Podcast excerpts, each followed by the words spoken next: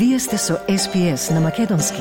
Слушнете повеќе прилози на sps.com.au козацрта на Седонин. Бугарското собрание едногласно и без дебата усвои декларација со која ја осудува како што се вели во неа антибугарската реторика во Македонија.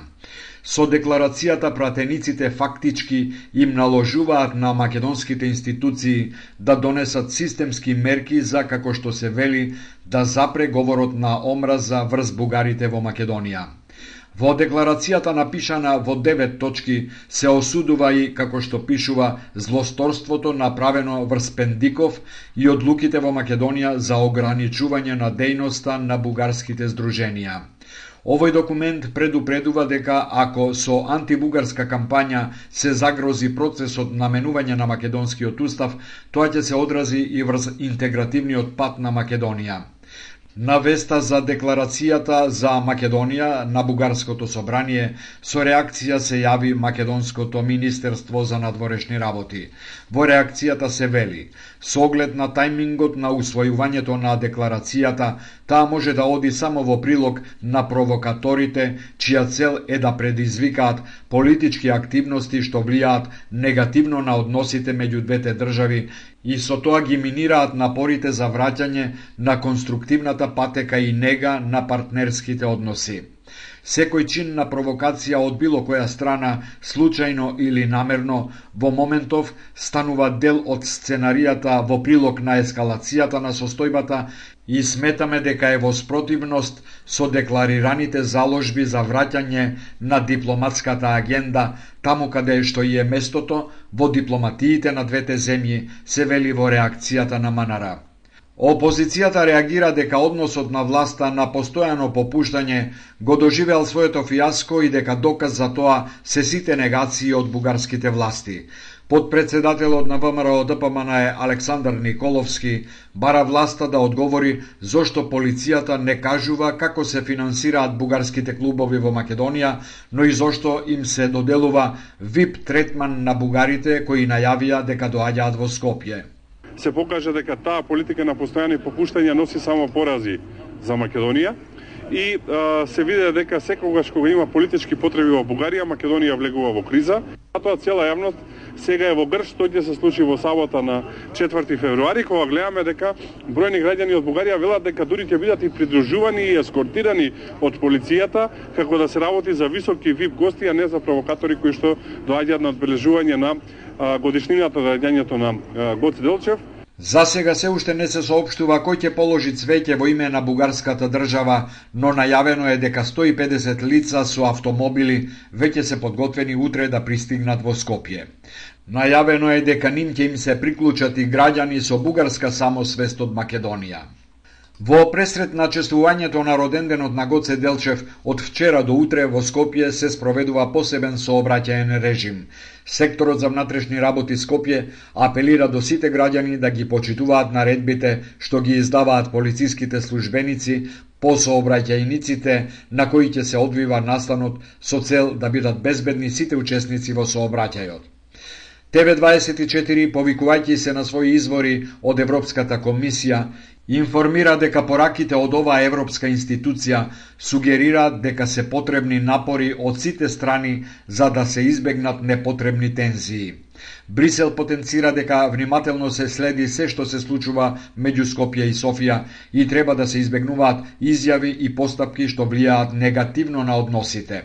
Портпаролката на Европската комисија Ана Писонеро вели – Подсетуваме на важноста на добрососедските односи. Македонија се обврза да го измени уставот. Со неговата измена дополнително ќе се унапредат основните права. Уставниот амандман автоматски ќе активира уште една меѓувладина конференција без натамошна одлука. Ги повикуваме сите политички сили, вклучително и опозицијата, да работат за еу иднината на својата земја. Билатералните прашања не се услови во пристапните преговори, вели Писонеро пренесува ТВ24.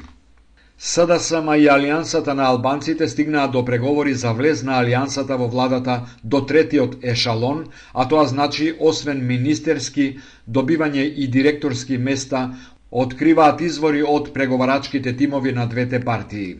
Разговорите овие два дена ќе се водат на пониско ниво, но не е исклучено викендов да има и состанок меѓу премиерот Ковачевски и лидерот на Алијансата Таравари.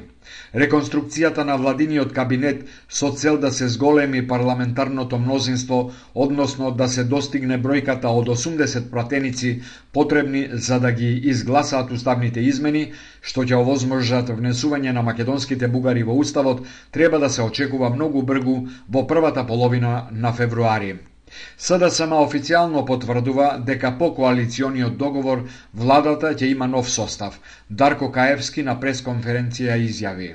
Со завршувањето на седницата на извршниот одбор и со донесувањето на одлуката за формирање на работната група и официјално започнуваат разговорите и консултациите за програмските определби со Алијанса за албанците, Нашите очекувања е дека во текот на месецот ќе се завршат сите сите разговори и дека ќе се финализира постапката и ќе влезе во собраниска процедура.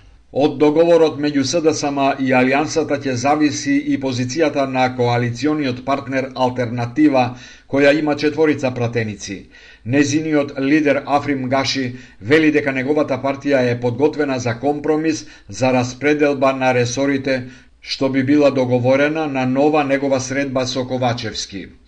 И додека во владата се калкулира најголемата опозициона партија ВМРО ДПМНЕ и натаму останува наставот дека ваквото евентуално проширување на владата нема да и донесе ништо добро на државата и дека уставните измени нема да се случат додека не се организираат предвремени избори. Владата ќе гради 4 автопатишта во вкупна должина од 123 километри. Земјава ќе се поврзе со Албанија со делницата Требеништа Струга Тјафасан. Автопат ќе има и меѓу Прилеп и Битола. Но ова ќе почне да се реализира откако фирмата Консалтинг Ирада ќе успее да се договори за цена и рокови со изведувачот Бектел и Енка. Државата вчера подпиша договор со Ирада. Благоја Бочварски, министер за транспорт, на вчерашната пресконференција и изјави. Очекуваме оваа година да ја започнеме силната градежна офанзива за изградба на западниот дел од коридорот 8 и коридорот 10D. Во буџетот на Министерството за транспорт и врски за оваа година веќе се предвидени 15 милиарди денари или околу 244 милиони евра за овој проект. Градежните активности се очекува да почнат во текот на годинава. Директорот на јавното предпријатие за државни патишта Еју Прустеми вели дека овие проекти се многу значајни за земјава. Со изградба на околу 120 километри автопатишта, кои ќе придонесат за побрз економски развој, како и побрз и безбедно патување на учесниците во собраќајот. Директорот на Ирада Паоло Орсини вели дека овие патишта ќе личат на патиштата во Европската Унија. Ние ќе ги вложиме сите потребни напори за да ги изградиме четирите делници со највисок стандард и квалитет кои што одговараат на квалитетот на патиштата што се градат во Европската Унија. Премиерот деновиве изјави дека во последните 6 години владата изградила стотици километри автопатишта. На ова реагира опозицијата која ја обвини власта дека ги пумпа бројките. Сакате ли да чуете повеќе прилози како овој? Слушате подкаст преку Apple Podcasts, Google Podcasts, Spotify или од каде и да ги добивате вашите подкасти.